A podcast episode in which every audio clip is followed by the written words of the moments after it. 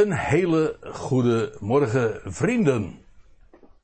Het is vandaag zondag 24 mei 2020. En ik wil jullie vanmorgen eens bepalen bij een woord dat we dagelijks ongeveer wel gebruiken of langskomt.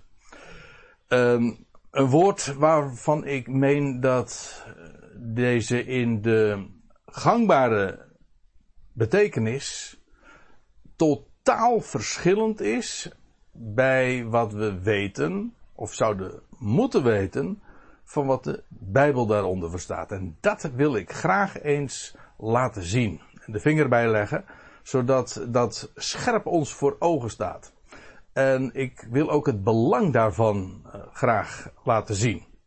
En ik zal jullie dan ook uh, meenemen, en in het bijzonder naar Romeinen 9 waar, en Romeinen 10, waar Paulus uh, deze dingen ook duidelijk maakt en heel helder uiteenzet. En ik hoop daar van die helderheid en die duidelijkheid ook iets te kunnen en mogen overbrengen.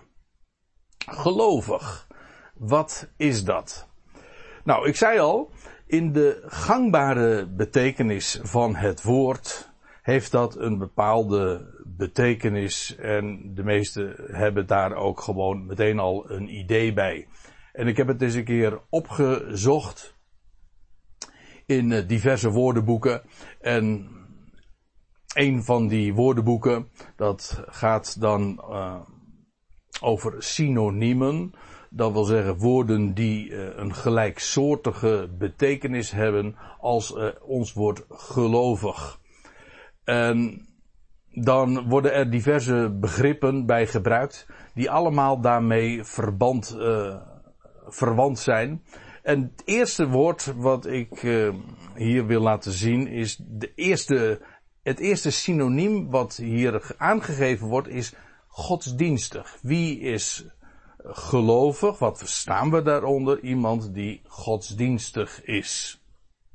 Of uh, religieus, zoals u dat hier ook ziet.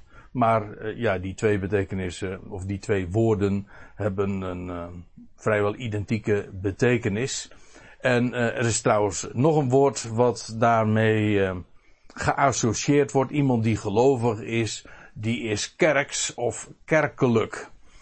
En er is er nog één waar ik even de aandacht voor wil vragen en dat is orthodox. Iemand die heel gelovig is, dat is iemand die heel orthodox is, recht in de leer zoals we dat dan opvatten. Nou, dat zijn zo van die, die woorden die we allemaal uh, associëren met gelovig. Ik heb hier nog een voorbeeld daarvan. Dat is een artikel uit de Telegraaf van 2016. En daarboven, daarboven stond eh, deze titel in kaart. Zo gelovig is jouw gemeente. En dan wordt er een kaart in dat artikel getoond.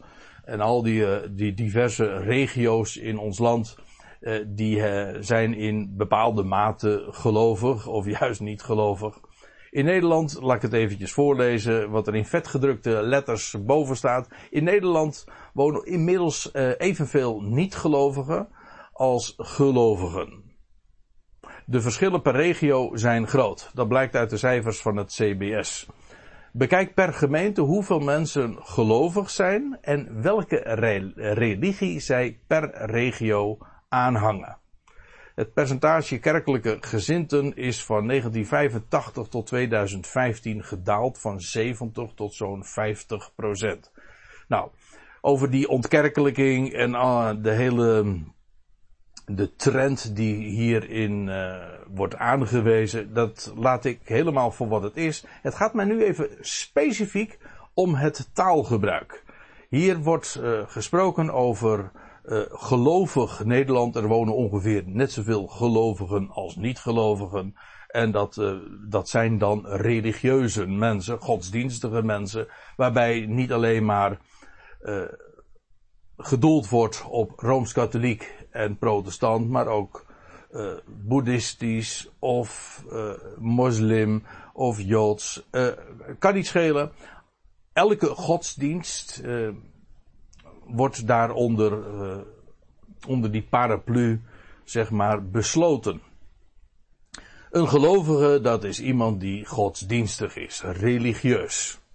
Nou, dat is de gangbare betekenis, godsdienstig, religieus, kerkelijk, orthodox. Dat is één.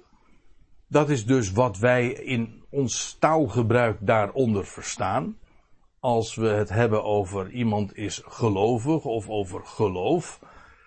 Maar nu, en nou komt het. Wat zegt de schrift daarover? Wat verstaat de Bijbel onder geloof, het geloof en ook uh, gelovig? Als een bijvoeglijk naamwoord. Wie is gelovig en wat is dat? Nou, ik zei al, ik wil je graag meenemen naar Romeinen 9. En dan heeft Paulus natuurlijk er al een heel lang betoog inmiddels op zitten. Want ja, hier zijn uh, ruim acht hoofdstukken, bijna negen hoofdstukken al aan vooraf gegaan. En heel fundamenteel zet Paulus dan uiteen wat het evangelie van God is, zoals hij dat onder de natieën mocht bekendmaken. En dan op een gegeven ogenblik in zijn betoog in hoofdstuk 9, als hij dan specifiek ook uh, behandelt het ongeloof van Israël in de tegenwoordige tijd. Dat wil zeggen, Israël die haar Messias, nu ook haar opgestaande Messias, afwijst, verwerpt. En hoe vervolgens Paulus als een apostel van de natieën, juist vanwege het ongeloof van Israël, nu onder de volkeren het evangelie predikt. Nou, over dat fenomeen heeft hij, heeft hij het. Hoe door het ongeloof van Israël het nu naar de natieën gaat. En uh, als je dan zijn betoog volgt, in, ook in hoofdstuk 10 en met name ook 11, dan zien we dat uh, Paulus ook leert dat dat een, een tijdelijk fenomeen is. God pakt uh, op zijn tijd, en we kunnen er inmiddels aan toevoegen, dat zal zeer binnenkort zijn, gaat hij weer de draad oppakken met het volk Israël. Wat zal hun aanneming anders wezen, zegt hij in Romeinen 11, dan leven uit de doden. Nou, die opstandingsdag van Israël, ook weer op de derde dag overigens. Maar goed, dat terzijde. Uh, dat is iets wat gaat gebeuren. En nu leven we in een tijd dat uh, de geschiedenis min of meer een, een U-bocht maakt, een omweg, en nu gaat het naar de natie. En dan, terwijl Paulus dan uh, daarover spreekt, dan zegt hij, wat zullen we dan uitspreken als, uh, als gevolgtrekking? Dat natieën, en nou volgt het, zijn uitspraak dat de natieën, de volkeren, de niet-Joden, geen rechtvaardigheid najagend, maar niettemin rechtvaardigheid begrepen. Eerst even dit.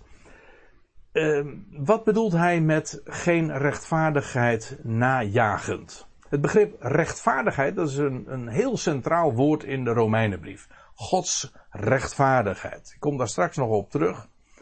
Maar hij zegt hier, ja, de natieën, die hebben zich daar verder nooit mee bezig gehouden om voor God, die zij trouwens niet eens kennen en erkennen, uh, om voor hem rechtvaardig te zijn.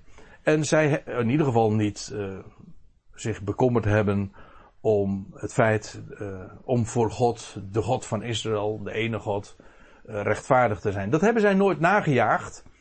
En zegt hij, wat hij daar dus onder verstaat, het, het is het streven om rechtvaardig te worden door de vervulling van godsdienstige plichten. Paulus zegt van Israël, we zullen dat in de komende versen ook zien, van Israël uh, deed dat uitdrukkelijk wel, het Jodendom. Die streefde ernaar, die jaagde het na om rechtvaardig voor God te zijn. En hoe wordt een mens rechtvaardig voor God? Wel, dat was het, uh, de, de dwaling eigenlijk ook van Israël. Uh, dat is door je te houden aan dat wat God heeft opgedragen. Je godsdienstige plichten te vervullen. Maar de natie hebben zich daar nooit om bekommerd. Maar zegt Paulus dan, de natieën die geen rechtvaardigheid najaagden, hebben niettemin rechtvaardigheid begrepen. Ze jaagden het niet na. En toch hebben ze het begrepen of gegrepen. Maar in feite is begrijpen ook een vorm van grijpen. In mentale of misschien in abstracte zin. Je, je krijgt ergens grip op. Je, je weet wat de betekenis ervan is. is de natie hebben geen rechtvaardigheid nagejaagd, maar ze hebben het niettemin begrepen. Even uh, later in dit hoofdstuk zegt Paulus ook ja, dat de natieën uh, hoe formuleert hij het? Ze, ik ben, oh, zo staat het er. Ik was het even kwijt. Dat uh, ik ben gevonden. Dat is trouwens ook een citaat uit het boek Jezaja. Dat Paulus dat dan citeert. Hij zegt: Ik ben gevonden door degene die mij niet zochten. En datzelfde fenomeen zie je hier. De natieën hebben geen rechtvaardigheid nagejaagd, gezocht. En toch, ze hebben het gegrepen, begrepen. En wat bedoelt hij dan met die rechtvaardigheid? Nou, dat is dus een van die onderwerpen, de, min of meer de basis zou je kunnen zeggen van de hele Romeinenbrief. Rechtvaardigheid echter die vanuit geloof is. En wat, wat is dat? Wat verstaat Paulus onder geloof? Nou, dat is wat geloof is, uh, dat is als werkwoord het vertrouwen op God. Geloven is niks anders dan vertrouwen op. Namelijk op God die gesproken heeft. En ik moet eigenlijk zeggen, op God die belooft. Kijk, waar, uh, waar Paulus in deze brief uitgebreid op ingaat, is wat rechtvaardigheid uit geloof is. En dat had hij al veel eerder in de brief gedaan, met name in Romeinen 4. Dus een heel hoofdstuk waarin die ingaat op de figuur van Abraham. En Abraham die door God geroepen was. En dan lezen wij in uh, Romeinen 4 vers 5. En dat moet ik er misschien nog eventjes ter inleiding uh, aan aan vooraf laten gaan. Uh, Abraham, die in de nacht, op een gegeven ogenblik, in Genesis 15 lees je dat, hij wordt naar buiten geroepen en dan, dan ziet hij die geweldige sterrenhemel en dan vraagt God, kun jij dat tellen? En dan is het antwoord natuurlijk nee. Dat die, als je daar in de woestijn eh, omhoog kijkt bij een heldere nacht, en dan zie je zoveel sterren. Nou zegt, Paul, zegt God dan tegen hem, zo zal jouw nageslacht zijn. En let op, dat is een belofte die onvoorwaardelijk daar is. God zegt niet als jij zus of zo, als jij dit doet en als jij keurig de regels houdt of niets van dat al. Hij zegt zelfs niet van als jij mij nu gelooft, dan zal zo jouw nageslacht zijn. Nee, zelfs dat niet. Het is God doet een belofte volstrekt onvoorwaardelijk. Wat ook betekent dat de vervulling daarvan geheel van God afhankelijk is. We kennen de uitdrukking belofte maakt schuld. Dat is voor God ook zo. Als God iets belooft, dan is Hij schuldig verplicht dat ook te vervullen. En, ja, wat, en dan lezen we, als, als God dat dan tegen Abraham zegt, toen nog Abraham, en dan staat er, en Abraham geloofde God, en dan wordt eraan toegevoegd, en het werd hem tot gerechtigheid of tot rechtvaardigheid gerekend. En het idee is dit. God belooft aan Abraham onvoorwaardelijk. Zo zal jouw nageslacht zijn. En eerder had was er al gezegd van, in jouw zaad ga ik alle geslachten van de aardbodem zegenen. En min of meer vind je hier een, een, een, een herhaling daar dan van. En Abraham geloofde God. Hij vertrouwde daar helemaal op. dan moet u zich realiseren dat Abraham kinderloos was. Hij was op leeftijd. Zijn vrouw was onvruchtbaar. Dus er was geen enkele aanleiding voor Abraham om, om te denken van, oh, dat, dat, uh, dat gaat wel lukken of zo. Integendeel, uh, er was niets eigenlijk in zijn leven dat erop leek dat, uh, dat dit inderdaad gerealiseerd zou worden. Hij was oud inmiddels, of op, behoorlijk op leeftijd, hoogbejaard en, en nog steeds kinderloos. Met een onvruchtbare vrouw. En dan de belofte, zo zal jouw nageslacht zijn. En God belooft dat en Abraham vertrouwt God. En dat is zo geweldig. Hoe, hoe God dat ging doen, dat was Abrahams probleem niet, maar hij vertrouwde erop. Hij die, die, die hemel en aarde gemaakt heeft, de El Shaddai, die voorziet in alles. Hij is in staat om uit de dood leven voor te brengen. Uit dat dode lichaam, een verstorven lichaam, leven voor te brengen. Waarom niet? En zo geloofde Abraham God. En dat werd hem tot rechtvaardigheid gerekend. Dat wil zeggen, Abraham was voor God een rechtvaardige. Waarom? Had hij iets gedaan? Nee. Hij had alleen maar amen gezegd op een belofte die God onvoorwaardelijk deed. En dat is de essentie ook van het evangelie. Het evangelie is een onvoorwaardelijke boodschap en prediking. God is jouw redder. In en door Jezus Christus. Dat is een mededeling. Dat is geen aanbod. Zo van, uh, hier alsjeblieft. En als je het uh, aanneemt, dan, dan wordt dat zo. Nee, het is een mededeling. God is jouw redder. Niet, nogmaals, uh, als jij het aanneemt, wordt God jouw redder. Nee, God is jouw redder. En dat mag jij geloven. Maar zelfs als je het niet gelooft, dan blijft God jouw redder. Nou, dat is het evangelie. Nou, en nu kom ik uh, bij het citaat uit Romeinen 4. Dan zegt Paulus dit, maar hem die niet werkt, maar gelooft. Ziet u? Dit is één zo, zo typerend voor Paulus. Die geloof tegenover werken plaatst. Werken, dat wil zeggen iets doen om iets, iets verdienen.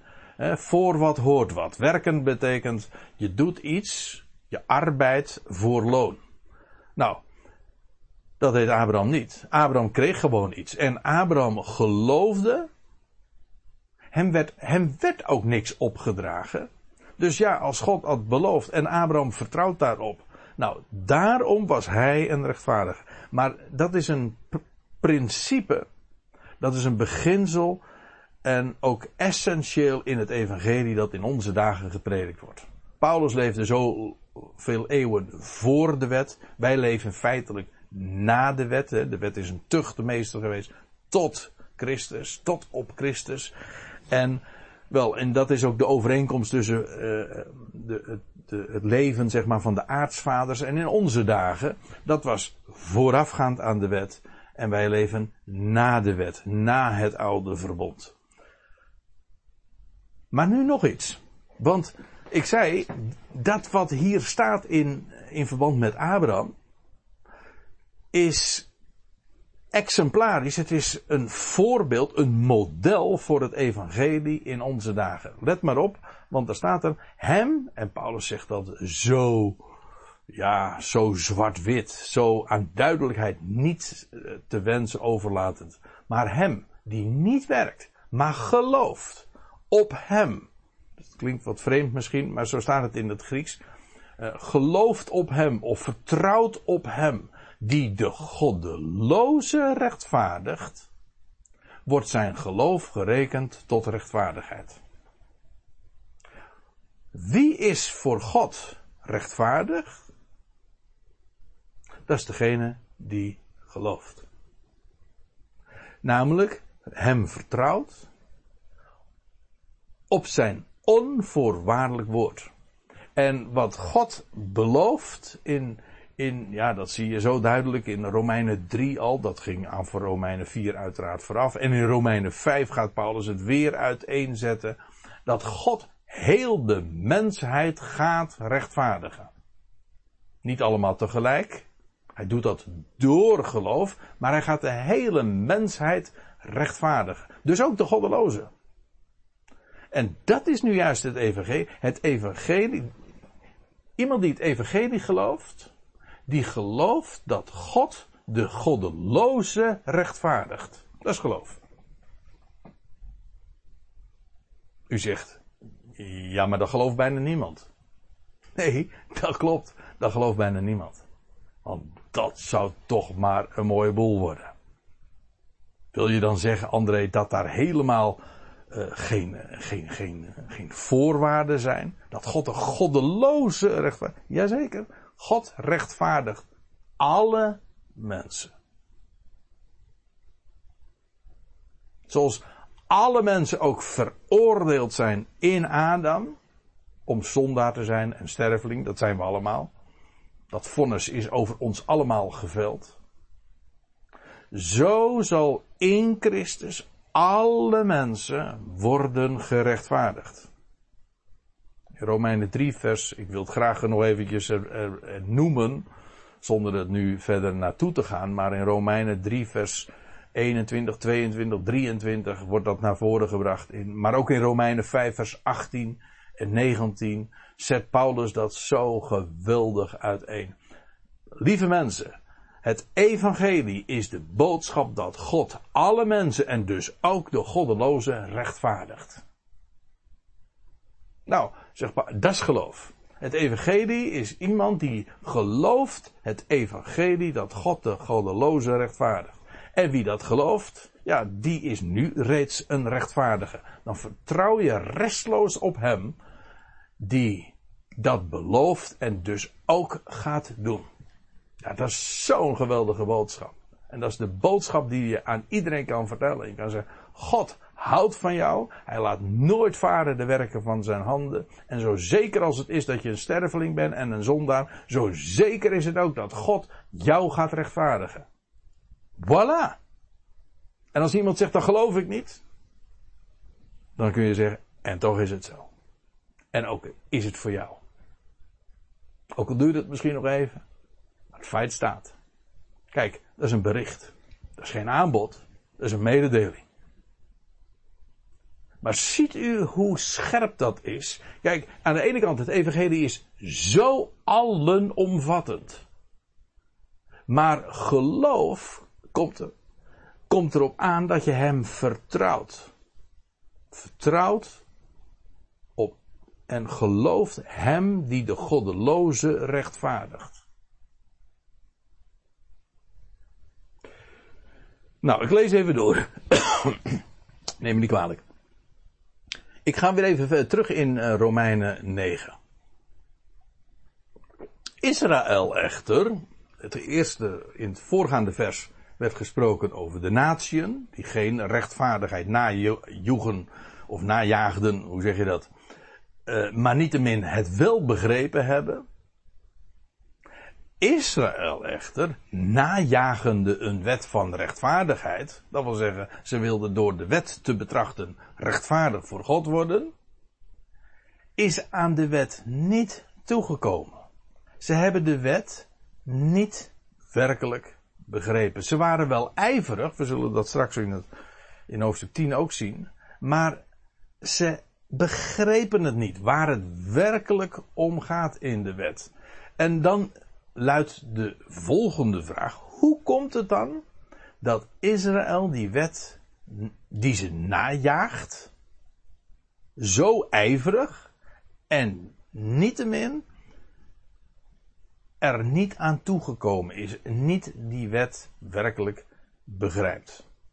En Paulus uh, legt de vraag zelf voor. Hij zegt, vanwege wat dan? Nou, zegt Paulus, omdat het, Israël, die de wet wel najaagt, omdat het niet uitgaat van geloof, maar als vanuit werken. Lees even goed wat hier staat. Waarom is Israël dus niet aan de wet toegekomen, terwijl ze die wel najaagt? Wel, dat komt omdat ze die wet wil werken. En in plaats van te geloven, denkt ze dat ze die wet moet werken, moet doen. Ja, men vat, men vatte, en ik zet het hier in de verleden tijd, maar in het algemeen is dat uh, het Jodendom tot op de dag van vandaag. Maar ik moet erbij zeggen, het is typerend voor elke vorm van godsdienstigheid. Men meent dat men tot God moet naderen en tot God moet opklimmen en een bepaalde status te bereiken. En dat kan van alles zijn. Maar in ieder geval, men moet aan een bepaald commando van God, een opdracht, uh, tegemoetkomen. Men moet die, die, die opdracht vervullen. Men vatte de wet op als commando's die gewerkt moesten worden. Kijk, als ik een opdracht geef, ja, dan moet je dat doen. Maar, wat is daar het probleem? Wel, omdat ze men heeft de wet niet begrepen. Men, heeft, men ziet niet in dat die wet, de Torah, in feite helemaal geen serie of een bundeling van opdrachten is, maar van even zoveel beloften. En in feite, als ik het zo zeg, is dit eigenlijk ook het grote verschil tussen het oude verbond in het verleden en het nieuwe verbond in de toekomst. Eh, want op het moment dat Israël werkelijk straks gelovig zal worden, dan zullen ze gaan verstaan dat de wet, de Torah, allemaal belofte was. En het gij zult de Heer uw God liefhebben. Met je heel je hart, met heel je ziel, met al je kracht. Je zult niet stelen. Je zult je vader en moeder eren. Dat kun je opvatten. En dat is de oud, het oude verbond mindset, zeg maar. De, dat, is het, dat is het godsdienstige idee. Namelijk een opdracht, iets wat je moet doen, iets moet, wat je moet werken. Of dat je het gij zult opvat en hoort als een belofte. Zoals Abraham, tegen Abraham gezegd werd, je zult, gij zult een vader van vele volkeren worden. Was dat een opdracht? Nee, dat is geen opdracht, dat is een belofte. Jij, zul, jij zal een vader zijn van vele volkeren. Dat kon hij niet helemaal niet eens vervullen. Want ja, wat moet je? Als je onvruchtbaar bent of je vrouw onvruchtbaar is, hoe zou je dat dan moeten vervullen? Maar het was ook geen, het was ook geen opdracht. En dat geldt. Je, je krijgt een compleet andere Bijbel. Als je het gij zult niet meer opvat als een last, als een opdracht die je moet vervullen, maar als een belofte die je gegeven wordt. En dan is het niet meer, gij zult heilig zijn en dan uh, gebukt gaan onder een zware last die je niet kunt vervullen. Want zo gaat het. Ja, je krijgt, je krijgt dan een opdracht en gij zult volmaakt zijn, zoals uw hemelse vader volmaakt is. Is dat een wet? Een last? Nee, het is een belofte. En op het moment dat je het hoort met een gelovig oor, dat wil zeggen je hoort Gods belofte hierin klinken. Dan wordt het ineens een bron van vreugde. En dan zeg je, God, u belooft dat ik volmaakt zal worden. En zal zijn en heilig zal zijn. Wel, als u dat belooft, dan mag u dat vervullen, alstublieft. Wat een geweldig voorrecht dat u zo'n God bent en dat u dat onvoorwaardelijk aan mij toezegt en belooft. En dan, en dan, en dan ontstaat er een, een, bron van dankbaarheid in je hart. Dat is geweldig. Wel, Israël heeft de, wet niet begrepen en uh, is aan de wet niet toegekomen omdat ze niet uitgaat van geloof maar als van uitwerken. En daarom stoten zij zich ook aan de steen van de aanstoot. De steen des aanstoots. En uh, ja, die steen, dat is een, een van de aanduidingen ook van de Messias, al in het boekje Zaja. En trouwens elders ook. maar uh, ja, de steen, dat is een aanduiding van hem die naar belofte zou komen. Het beloofde zaad van Abraham, maar hij zou ook de steen van de aanstoot zijn. Waarom? Wel omdat die steen spreekt van, van God als de onvoorwaardelijke redder. Logisch, want zijn naam, de naam van die steen, dat is Yeshua. Of Jehoshua. Maar, of op zijn Nederlands, Jezus. En dat betekent, Yahweh, red. Uitroepteken. Hij redt. En dat is de belofte. Dat is de naam van Jezus. Yahweh red. En dat is een aanzegging. Ook dat is een mededeling. En dat is in feite dus het goede bericht. En ja, maar als je denkt er iets voor te moeten doen, dan stoot je je dus aan zo'n steen. En dat is precies ook wat er gebeurd is. Want uh, ik lees even verder in vers 33. Paulus vervolgt dan. Ja, zij stoten. Omdat ze uitgaan van werken. Stoten zij zich dus per definitie aan de, aan de steen van de aanstoot. En dan citeert Paulus vervolgens nog een ander vers uit Jezaja. Zoals geschreven staat. Let op. Zie. Ik. En dat is, dan is God zelf aan het woord. Uh, zie, ik plaats in Zion een steen van aanstoot en een rots van een valstrik. Een rots der ergernis. God plaatst een steen. En dat is die, ja, dat is uh, diezelfde steen die ook in Psalm 118 al voorzegd wordt. De steen die de bouwlieden hebben afgekeurd. En dan gaat het inderdaad over het Joodse volk. En ze bouwden, en ze bouwden het huis, ja, maar toen de, de, een, de, de steen, namelijk de hoeksteen, de, het fundament, die hebben ze afgekeurd. Maar de steen die de bouwlieden hebben afgekeurd, is niet min van Gods wegen tot een hoeksteen geworden. En als er staat, ik plaats in Zion een steen,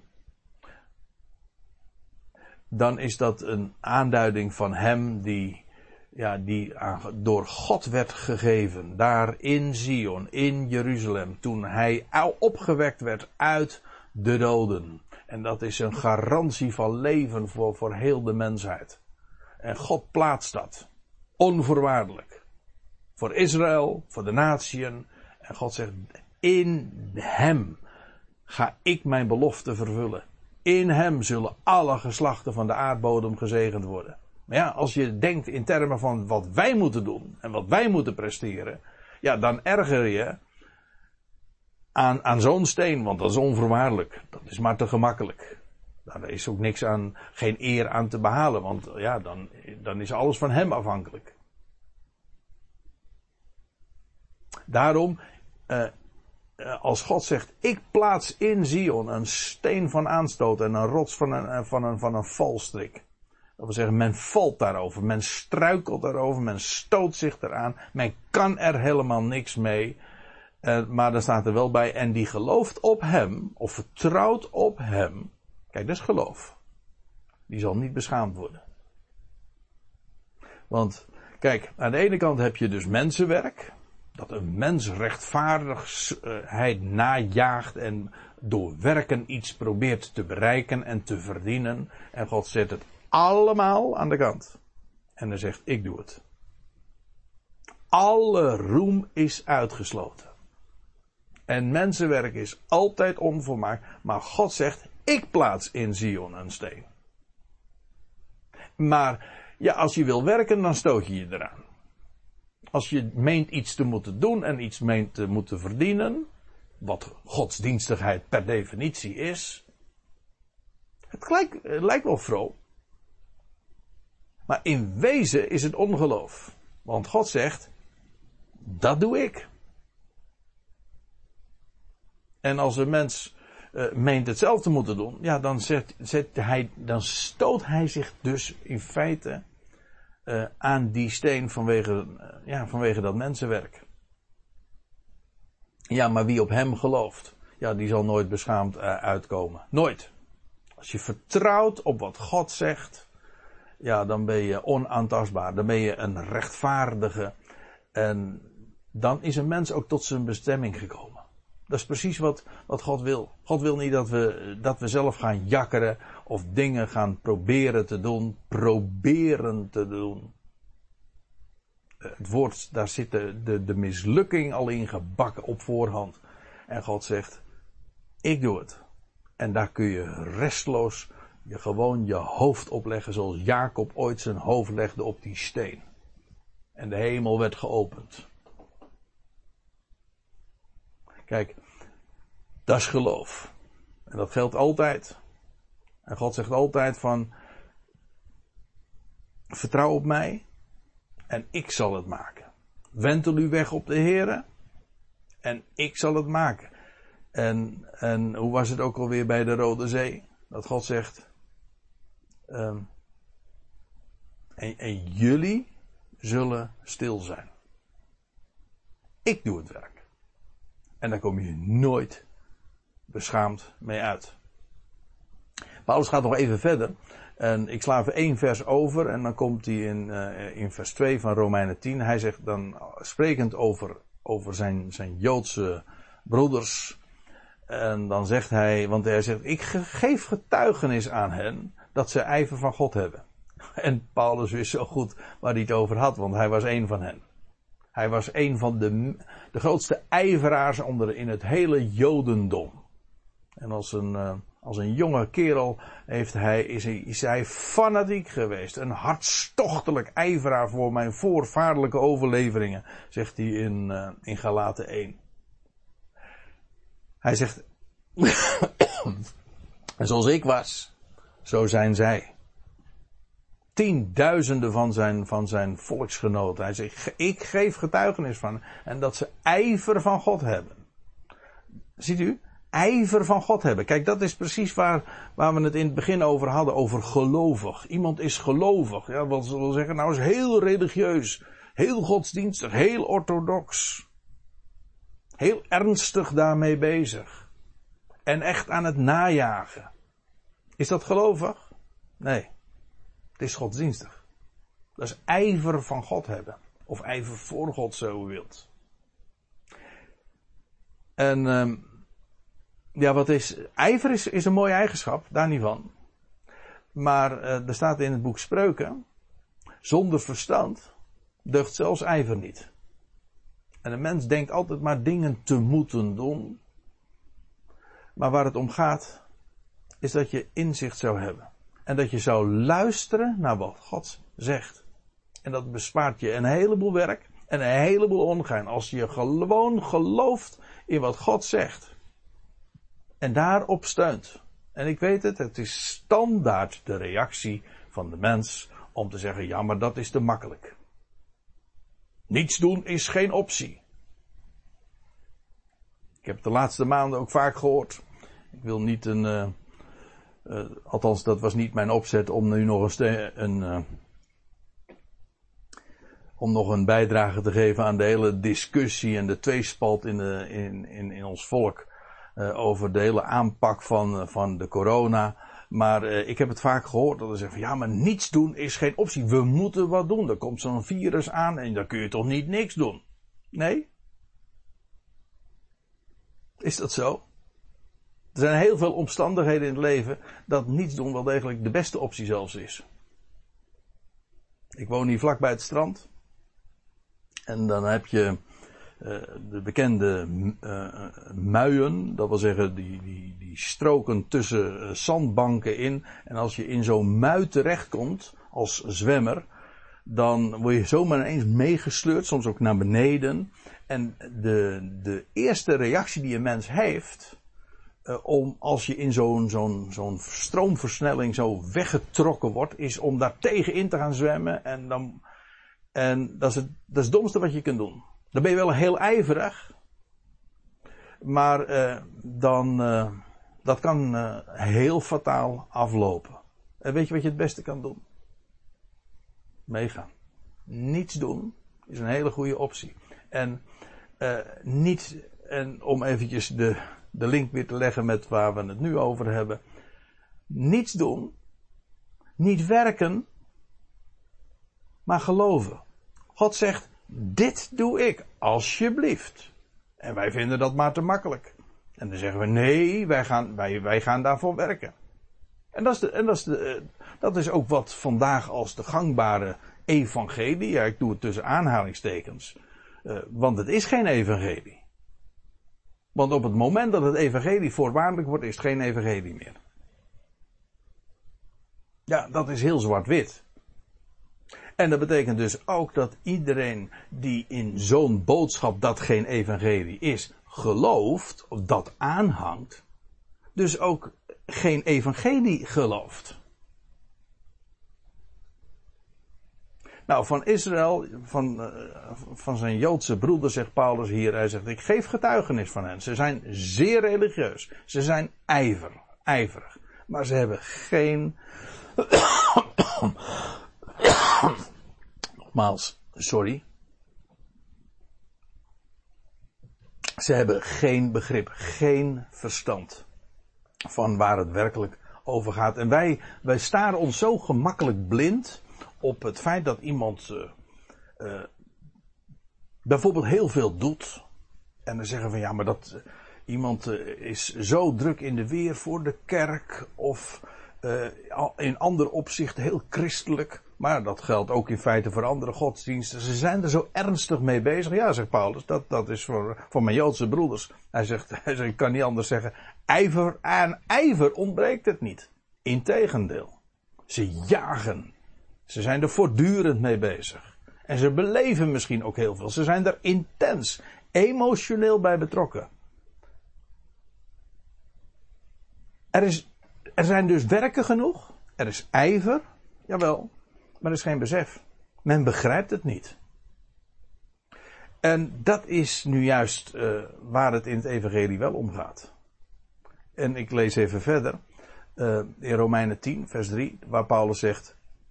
Want onwetend omtrent God, omtrent de rechtvaardigheid van God. Let op, hij heeft het hier dus over zijn, zijn, zijn broeders naar het vlees, zijn, zijn, zijn Joodse volksgenoten die het evangelie uh, afwezen. Ze waren vijanden van het evangelie. Hij zegt, ze hebben ijver van God, dat wel. Ze zijn orthodox, ze zijn najagend, ze, ze zijn intens meelevend in Gods dienst. En ze begrijpen het evangelie niet. Ze zijn onwetend. Wij zijn uh, misschien soms geneigd om te zeggen, ja, wat maakt het uit? Ze zijn toch, ze zijn toch ijverig ermee bezig. Ja, oké, ze begrijpen het niet, maar ja, dat is nu juist het hele verhaal. Het gaat niet om ijver. Het gaat om begrip. Om verstaan. Om te weten dat je niet agnostisch bent, zoals het woord wat hier feitelijk in het Grieks gebruikt wordt. Dat je onbekend, onwetend bent. Nee, uh, want uh, waarom is het zo van taal? Wel, Paulus zegt, ze zijn onwetend omtrent de rechtvaardigheid van God. Kijk, het evangelie geloven betekent dat je verstand hebt van dingen. Dat je, en eh, ik bedoel daarmee niet intellectueel, maar dat je het verstaat, begrijpt. Dat je weet hoe het zit. En Israël is onwetend, zegt Paulus, omtrent de rechtvaardigheid van God. En wat is die rechtvaardigheid van God? Wel, neem het woord gewoon zoals het zich aandient. Gods rechtvaardigheid, dat is niet de rechtvaardigheid die hij eist. Nee, natuurlijk niet. Gods barmhartigheid is toch ook niet de barmhartigheid die hij eist? Nee, Gods barmhartigheid is het feit dat hij zelf barmhartig is. Wel, Gods rechtvaardigheid wil zeggen, God is rechtvaardig. Hij doet recht. Aan wat? En dan is het antwoord aan zijn belofte. God doet recht aan zijn woord. En als hij aan Abraham zegt, zo zal jouw nageslacht zijn, dan is dat zo. Dan vervult God dat. En dat is de rechtvaardigheid van God, dat hij, dat hij recht doet aan dat wat hij aan heeft beloofd. Hij vervult zijn belofte. Wel, en dat is nu juist het probleem bij Israël. Israël heeft de belofte van God uh, terzijde geschoven. En hij die zou komen, de steen, het fundament, de hoeksteen, die hebben ze als, als onnuttig terzijde geschoven. Ze hebben de, de, de, als bouwlieden, die hebben ze de, de hoeksteen, uh, nee, hebben ze de steen verworpen, maar God heeft hem tot een hoeksteen gemaakt. En Israël is onwetend omtrent de rechtvaardigheid van God. Maar ik, wil ook dit erbij zeggen. Als we het hebben hier over het, het volk van, van Israël, over het Joodse volk, dan hebben we het over een volk dat ijver voor God had. Benadruk het, omdat ik uh, juist vanmorgen ook wil duidelijk maken dat geloof staat tegenover godsdienstigheid. En wat van het Joodse volk hier gezegd wordt, namelijk dat ze weliswaar ijver voor God hadden, veel deden en ook een enorme liefde en passie hadden om, dingen te doen, echt de handen ook uit de mouwen staken en, en, en, en een geweldige uh, emotioneel daar ook bij betrokken te zijn, maar ze waren onwetend. Ze hadden geen begrip van Gods rechtvaardigheid. Ja, en dan deugt zelfs ijver niet. Wel, Israël is onwetend omtrent de rechtvaardigheid van God. En, en ja, daarom zoeken ze eh, de eigen rechtvaardigheid overeind te houden.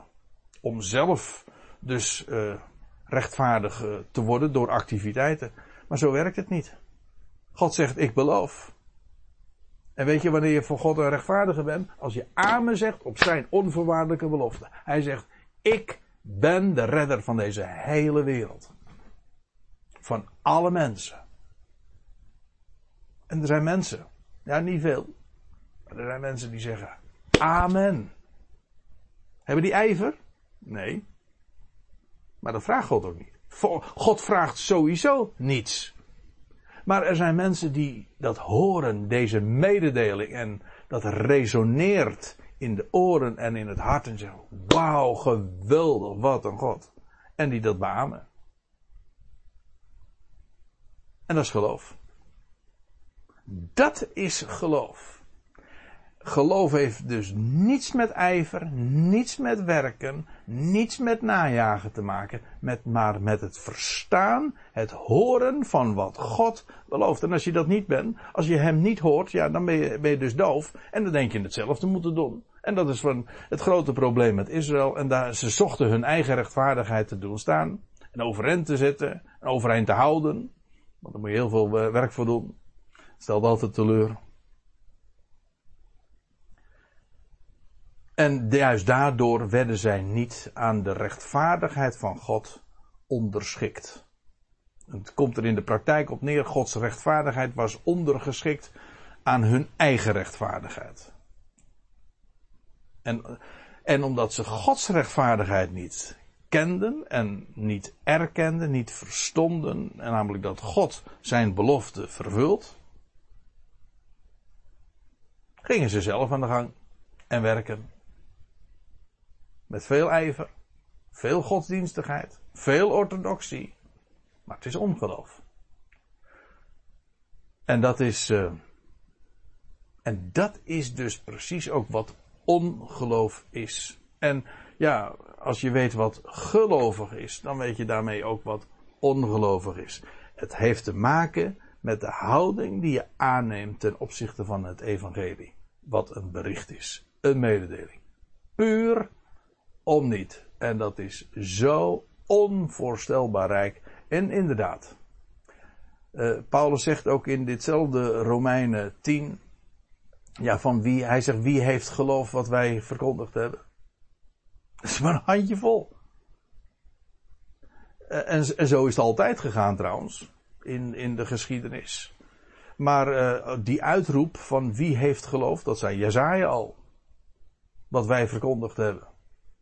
De boodschap was er zo rijk en het was ja, zo, zo, zo simpel, zo makkelijk. Ja, maar dat was te makkelijk. Dat kan toch niet waar zijn.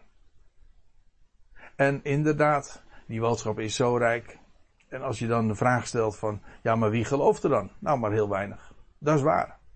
Maar ga nou niet om. Ga niet die, die definitie of wat gelovig is rekken. Nee, het evangelie is de boodschap die universeel is. En, uh, het en geloof zegt daar amen op. En dat is wat Paulus hier in Romeinen 9 en 10 zo uiteenzet. En ik denk dat het zo essentieel is ook voor ons vandaag om dat heel scherp te krijgen. Gods goede bericht. En dat wij dat kunnen en mogen beamen. Dat is wat geloof is. En het staat dus, en dat is eigenlijk de, de bottomline van, van mijn hele verhaal ook, en wat ik heb willen duidelijk maken aan de hand van deze versen. Het staat tegenover godsdienstigheid en religiositeit en orthodoxie. Nou, als ik dat heb duidelijk kunnen maken, dan uh, ben ik erg blij. Ik vind het een geweldige rijke boodschap. En ik, zou zeggen, ja, als je het eenmaal hebt begrepen, dan denk ik, ja, gewoon, iedereen moet het weten. Iedereen moet weten hoe geweldig groot God is. En, en het geweldige is om het, om het te vertellen, uh, we zijn niet afhankelijk van de reactie van de ander, want het is een mededeling. We hoeven het niet te verkopen. We hoeven het ook niet uh, te zeggen van alsjeblieft neem het aan. Nee. En, en, en het geweldige is, God opent ogen. Degene die hij roept vandaag, ja, die rechtvaardigt hij ook. En dit is de, de geweldige boodschap die ons is toevertrouwd. En ik zou zeggen, lieve mensen, laat het klinken. Wat een rijkdom om dat zo te mogen kennen en te vertellen. Aan wie het maar horen wil. Hartelijk dank voor jullie aandacht. Ik zou zeggen nog een hele goede zondag. En God zegen allemaal. En wat mij betreft, tot een volgende keer.